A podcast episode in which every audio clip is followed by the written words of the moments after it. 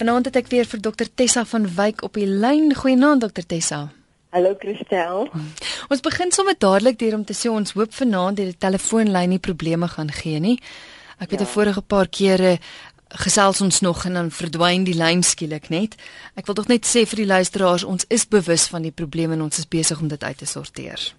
Ja, en ook jammer sê dat dit gebeur. Ja. Ons weet nie eintlik waar die fout lê nie, maar hulle sal dit vind. Ja een of ander tyd. Ja.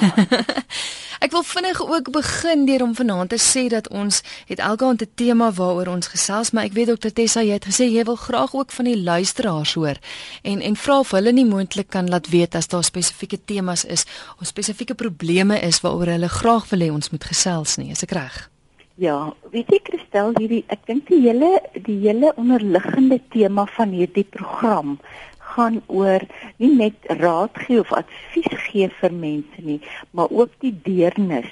En die definisie van deernis is om iemand te ontmoet op die plek waar hy of sy is. En daarom is dit vir ons belangrik om te weet waar jy op hierdie oomblik as luisteraar is en wat wil jy weet van die die probleem of die issue waarmee jy worstel. En jy weet mense ons weet dit nie altyd van hierdie kant af nie. So ons ons sal nogal waardeer as as jy as luisteraars ons dit kan kommunikeer. Wat wil jy weet om die lewe en die probleem waarmee jy sukkel of die trauma waarmee jy sukkel veel makliker te maak? In die volgende uur is jy welkom om 'n SMS na die ateljee toe te stuur as jy voorstelle het vir die program of dinge het waaroor jy wil hê ons moet gesels. 3343 dis die SMS nommer of anders kan jy 'n e e-pos stuur aan my kristel@rsg.co.za en ek sal dit aanstuur aan Dr Tessa. Ons gesels vanaand oor teleurstelling. Spesifiek oor die matriekuitslae wat nou so week terug of so bekend gemaak is. Miskien is daar studente wat regtig bitter teleurgesteld is oor hoe hulle gevaar het. Sommiges wat dalk gedog het hulle gaan deurwees en hulle is nie of iemand wat gedog het hulle gaan 'n klomp onderskeidings het en hulle het dit nie gekry nie. So ons praat daaroor, maar eintlik oor teleurstelling in die algemeen want ek dink ons almal ervaar ten minste een keer 'n week teleurstelling. Ja. Ja, of ergens in jou lewe. Presies. Ek het dit al ervaar. Watter gevoel sal teleurstelling beskryf? Gevoel, daai daai gevoel van teleurstelling is gewoonlik 'n uh, eh, uh, eh, iets in die in die lyn van 'n ontevredenheid of 'n angs en selfs 'n benoudheid.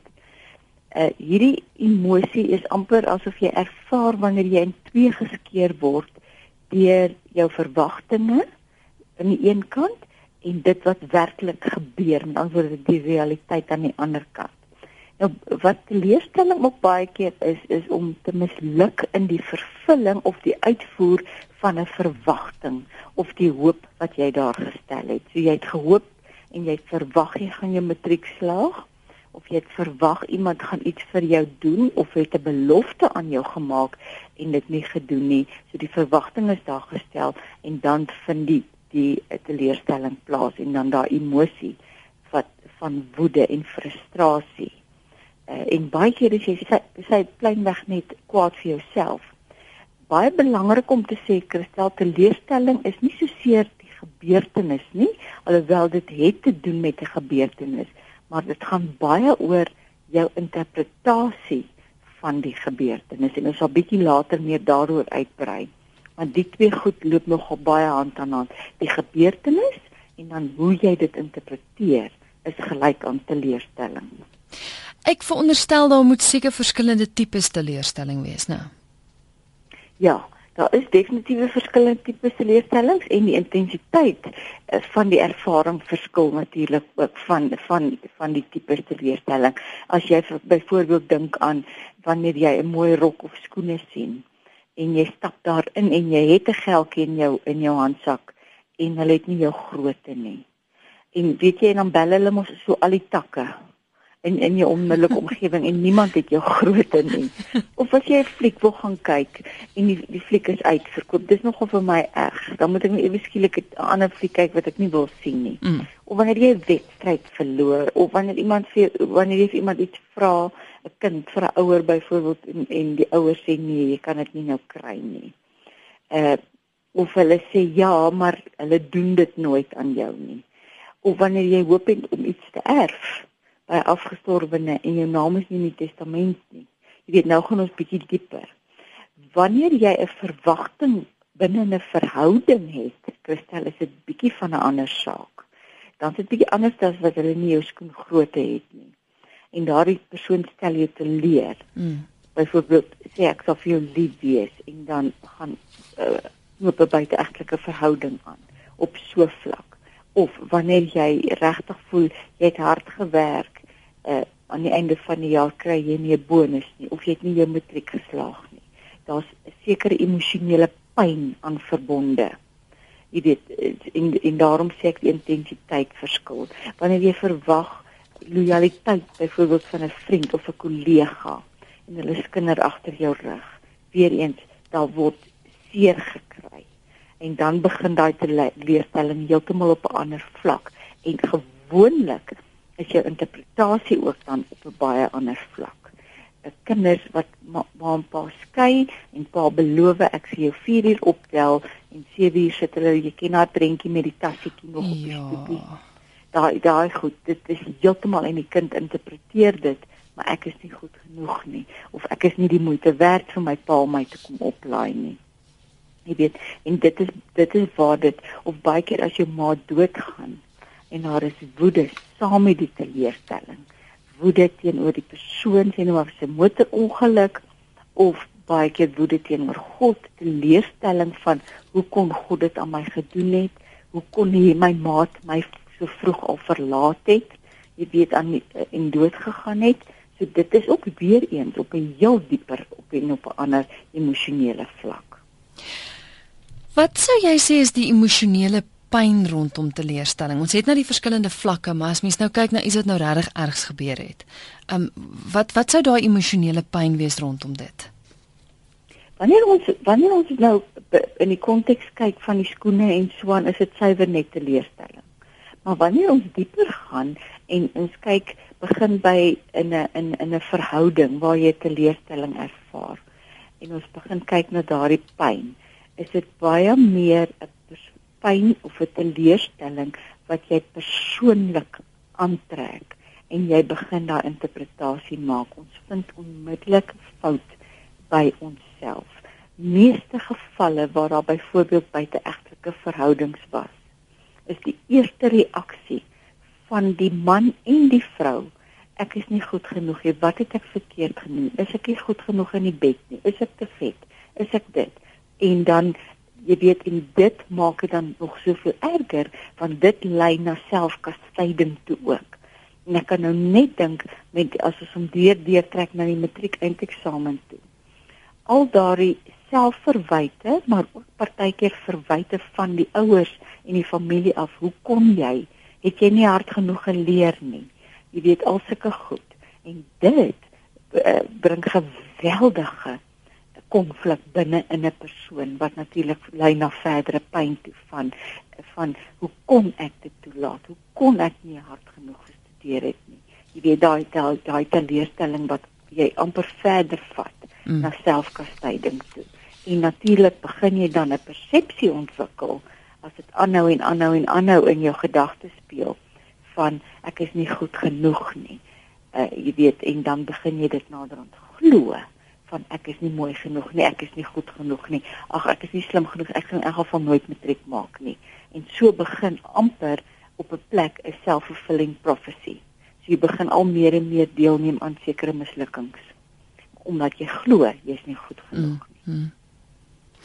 Hier is Reinhard van Somerset Wes het 'n SMS gestuur wat sê: "’n Mens moet net oor teleurstelling kom al is dit moeilik. Teleurstelling maak jou sterk en berei jou voor vir die ergste. Teleurstelling sorg ook dat jy na die beste streef of dat na die beste gestreef word. Stem jy saam?" Ek stem saam met hom, maar jy moet dit doelbewus doen. Dit is nie nie almal weet hoe ons gaan bietjie later praat oor hoe om teleurstelling te oorkom. Dis nie iets wat net gaan verdwyn nie. Jy moet oor teleurstelling kom en jy moet dit verwerk en jy kan dit gebruik sodat jy sterker aan die ander kant uitkom. Maar om dit net te ignoreer en amper te te verdwyn en te sulk in daardie pyn en dit te koester, jy weet daai negatiewe gedagtes van selfbejammering, arme ek, kyk wat het my pa my gedoen, kyk wat het ehm uh, my man aan my gedoen en al sulke goed, kan jou inteendeel na die teenoorgestelde vat van 'n totale negativiteit en 'n totale swak selfbeeld en onsekerheid binne in jou. So jy moet doelbewus werk aan jou teleurstelling. Ja, want ek weet van iemand wat al soveel keer teleurgestel is dat hy op 'n punt is dat hy glad nie meer opgewonde raak oor enige iets nie, want dit is half soort van 'n manier om homself te beskerm vir as hy dalk weer teleurgestel gaan word. Ja. En weet jy, weet jy wat gestel, dit is byvoorbeeld een van die die belangrikste goed is teleurstelling gaan gewoonlik saam met verwagtinge. So as jy oor en oor en oor teleurgestel word, moet jy dalk by 'n plek kom wat jy kyk na wat is my verwagtinge veral binne in 'n verhouding konteks van is my verwagtinge nie dalk onrealisties nie het ek nie dalk 'n verwagting van 'n persoon 'n kollega of vriendskap of 'n in in 'n in 'n romantiese verhouding van my maat of van die persoon teenoor my wat die persoon nie vir my in staat is of die vermoë het om vir my te gee nie?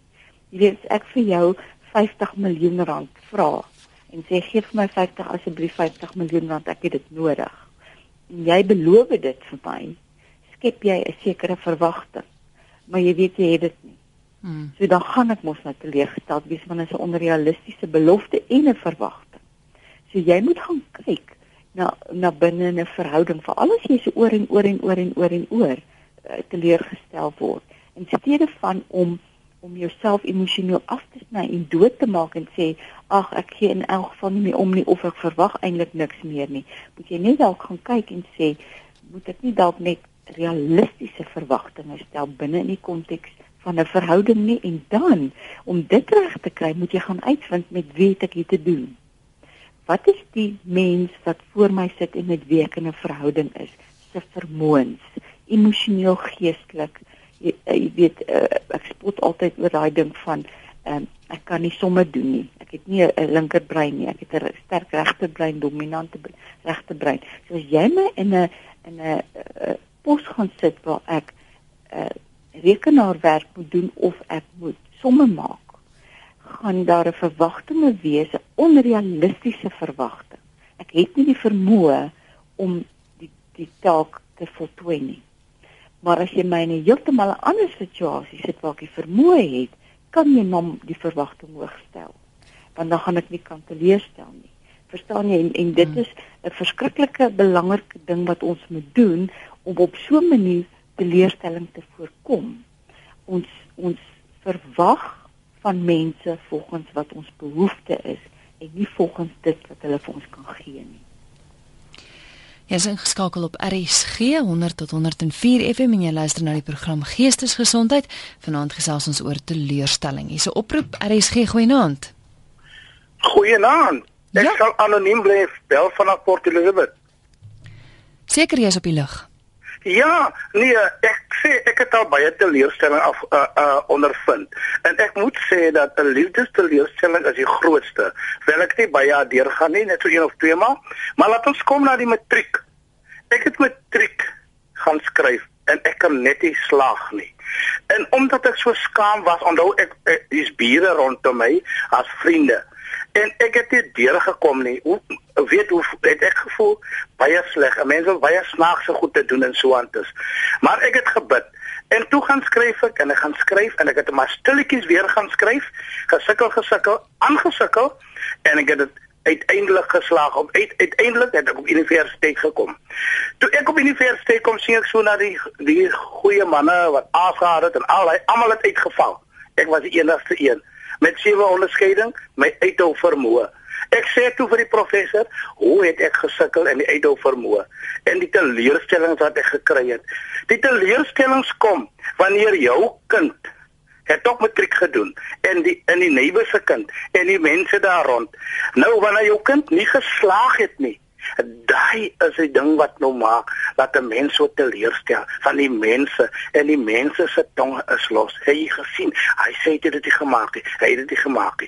Dit is waar die hele ding inkom. Nou kry jy nou die persoon of die student wat stilletjies gaan in case hy nou miskien nou nie slaag nie en en hy en hy en dan voel hy nie so bad nie want die mense rondom is die mense wat ons so op fokus hulle is daar hulle praat as hulle nie praat of so nie hulle bemoedig mense aan maak dit 'n verskil maar in vandag se wêreld is daar ja baie min mense wat die ander een aanbemoedig.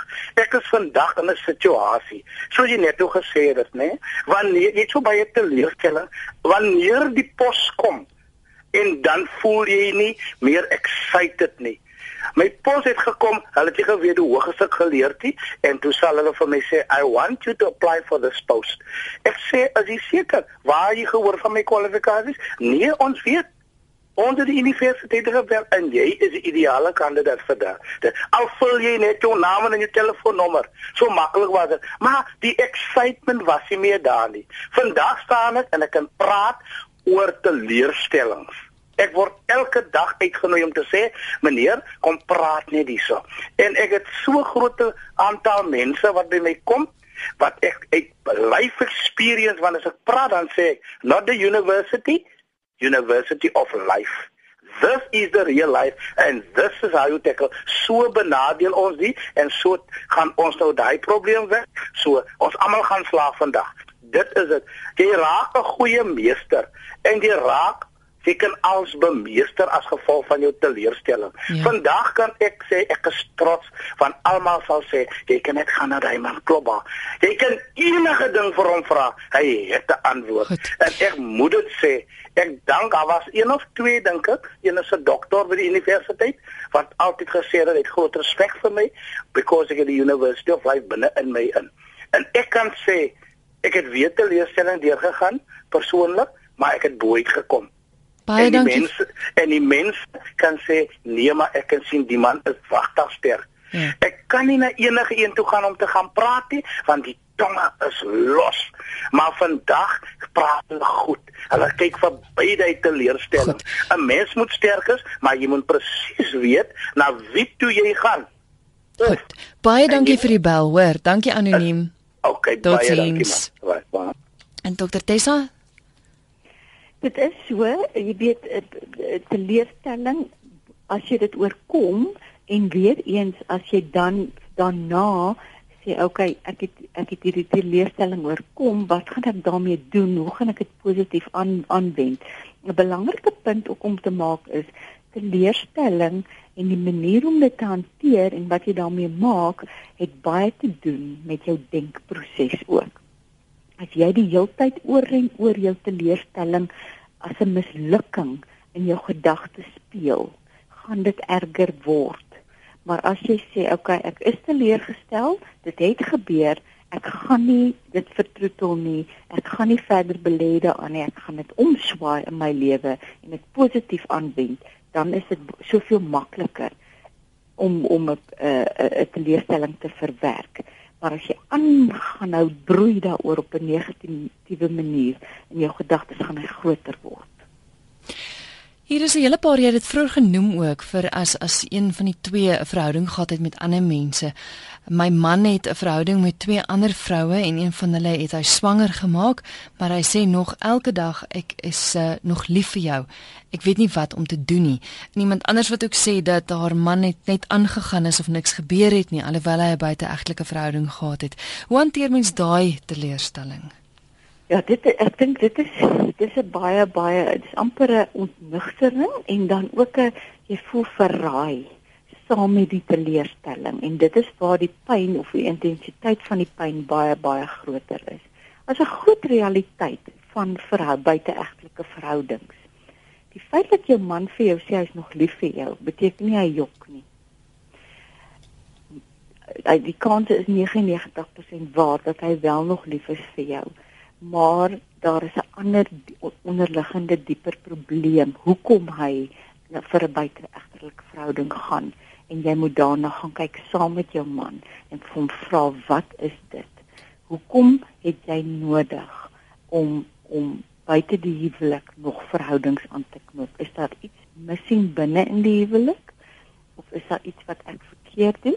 Of is dit omdat jy 'n gewonde gees het. Baie mense met 'n gewonde gees wat baie seer gekry het spesifiek aan verwerping blootgestel is op 'n jong ouderdom, het 'n onversadigbare behoefte aan aandag en liefde en erkenning en aanvaarding en hulle kry dit op 'n seksuele manier.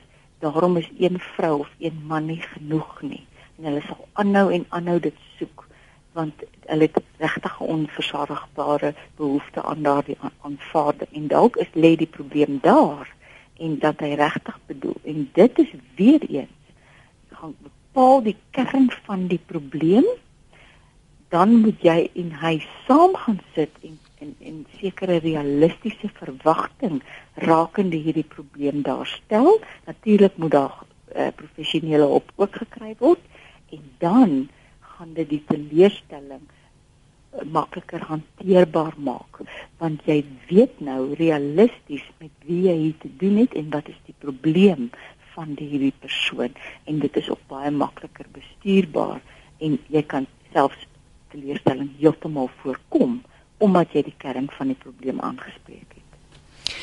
Dit is 'n SMS wat deurgekom het van Andrew wat sê: Ek is deur 'n egskeiding en mediese probleme. Ek sukkel om dit te verwerk vir 'n paar jaar nou al. Ek het 'n gevoel van ek kan nie voorsien nie en daarom hou dit my terug in ander verhoudings. Ek soek net aanvaarding. Ek beskerm nou maar myself. Ek voel of teleurstelling nie ophou nie. Hoe hanteer mens teleurstelling, Dr Tessa? Ja, ek wil net ek wil net terugkom. Ek gaan nou nou by die hantering kom spesifiek hierdie hierdie persoon wat gesê het van die egskeiding en ek voel ek kan nie voorsien nie. Met ander woorde, daar's reeds 'n persepsie, 'n leuen waarin hy gekoop het van ek kan nie voorsien nie. Ek is nie goed genoeg as 'n man nie. En dit maak dat jy dat jy met 'n verkeerde persepsie en 'n ingesteldheid in verhoudings ingaan en dan gaan jy aanhoudend teleurgesteld wees want onthou as jy voel jy is nie goed genoeg nie is dit wat jy in 'n verhouding in inbring onsekerheid en die ander persoon gaan dit aanvoel en dit gaan 'n heel die hele verhouding in 'n ander rigting instuur. Daarom is dit verskriklik belangrik om vir jouself te vra: Hoe kyk ek na teleurstelling? Wat is my ingesteldheid? uh, waarmee ek na teleurstelling kyk. Sien ek elke keer as ek teleurgestel word, sien ek myself as 'n mislukking, interpreteer ek dit elke keer van die fout lê by my, ek is nie goed genoeg nie of sien ek die realis realistiese rede en onderliggende tema van die teleurstelling. Herinner jouself die heeltyd dat niemand van ons is perfek nie jy ook nie en jy mag maar foute maak. En ek wil Christel ek wil self so ver gaan om te sê dit is selfs ook oukei okay as jy matriek gepluk het in 2013. En nou moet jy dit vat en sê ek gaan dit nie interpreteer as dit ek is 'n mislukking nie. Hmm. Ek gaan kyk hoekom het waar het ek gefouteer? Hoekom het ek matriek gepluk? en dit gaan regstel sodat jy 2014 dit kan slaag. Dit is een van die belangrikste goed na 'n teleurstelling. Jy moet kyk hoe gou jy weer op jou voete kan staan en vorentoe beweeg. Want wat ons baie keer doen, ons vat hierdie teleurstelling en vir maande en partykeer jare broei ons en ons koester hierdie ding en ons vertroetel hom en hy word so groot dat dit vir ons partykeer onmoontlik is om vorentoe te beweeg. Ons bly vasklou daar So jy moet so gou as moontlik op jou voete kom, sê, "Hoekom het dit gebeur? Waar is die foute? Identifiseer dit en gaan onmiddellik aan." Wanneer iemand jou wel teleurgestel het, gaan kyk, wat was dit wat fout gegaan het? Is dit oor het ek 'n verkeerde verwagting gehad? Het eh, was ek dalk te naïef? Het ek hierdie persoon te maklik vertrou? Wat het verkeerd gegaan? voordat jy sommer by 'n verkeerde gevolgtrekking kom. En dan 'n ander ding is vergewe vinnig. Wanneer jy besef wat gebeur het en dit is wat gebeur het, vergewe vinnig en beweeg aan.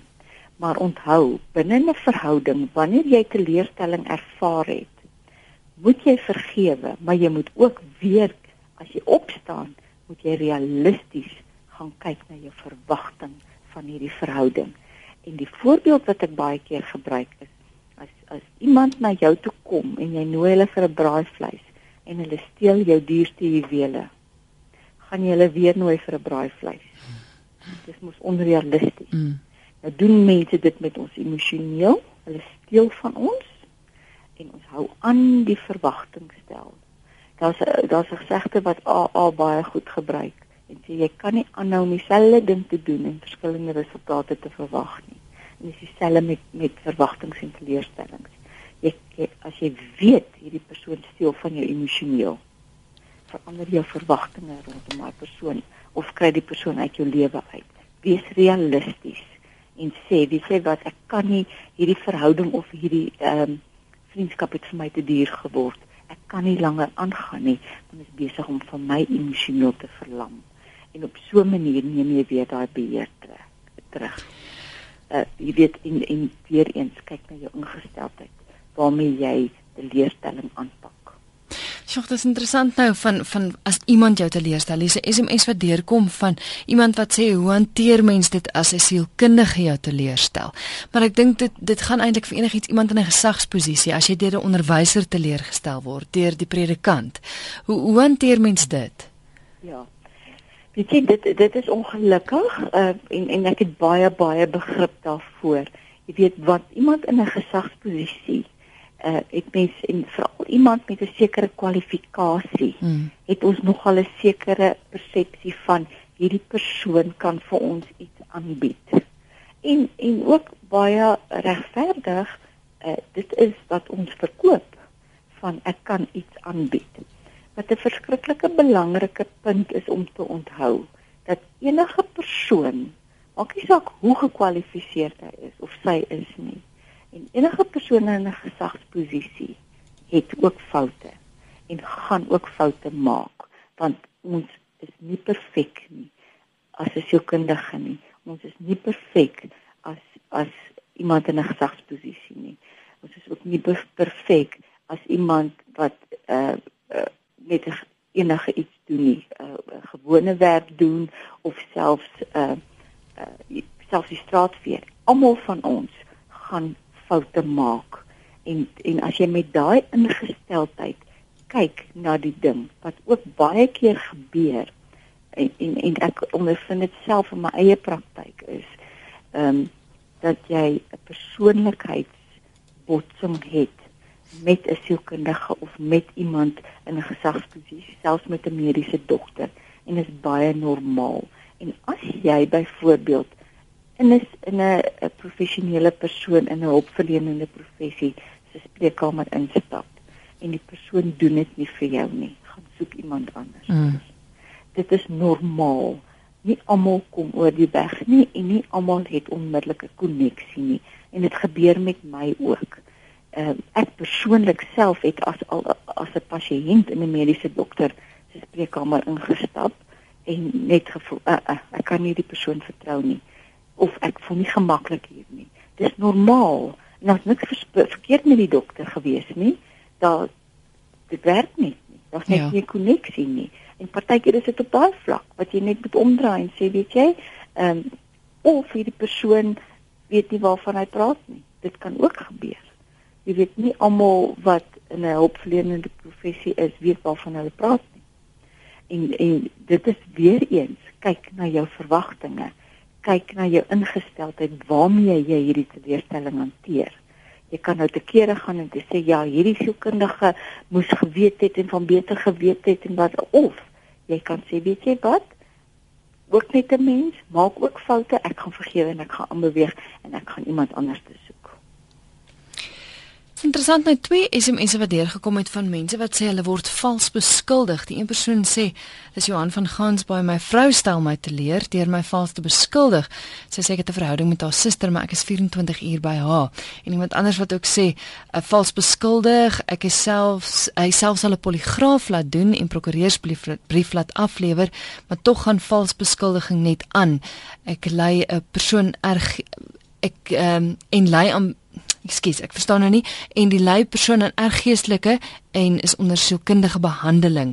Hoe kan ek optree? Ek weet nie of dit heeltemal inpas noodwendig by vanaand se tema nie, maar maar twee persone wat nou vra as hulle vals beskuldig word, hoe tree mens so op?